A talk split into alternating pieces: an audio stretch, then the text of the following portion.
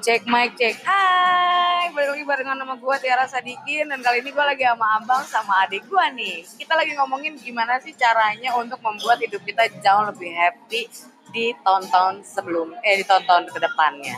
Dan untuk itu buat lo semua kalau misalnya lo ngerasa bahwa hidup lo sekarang ini kurang happy, coba deh lo cerita di bawah.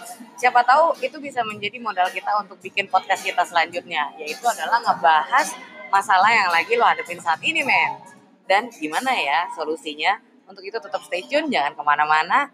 Dengerin lagu yang pertama dari gue.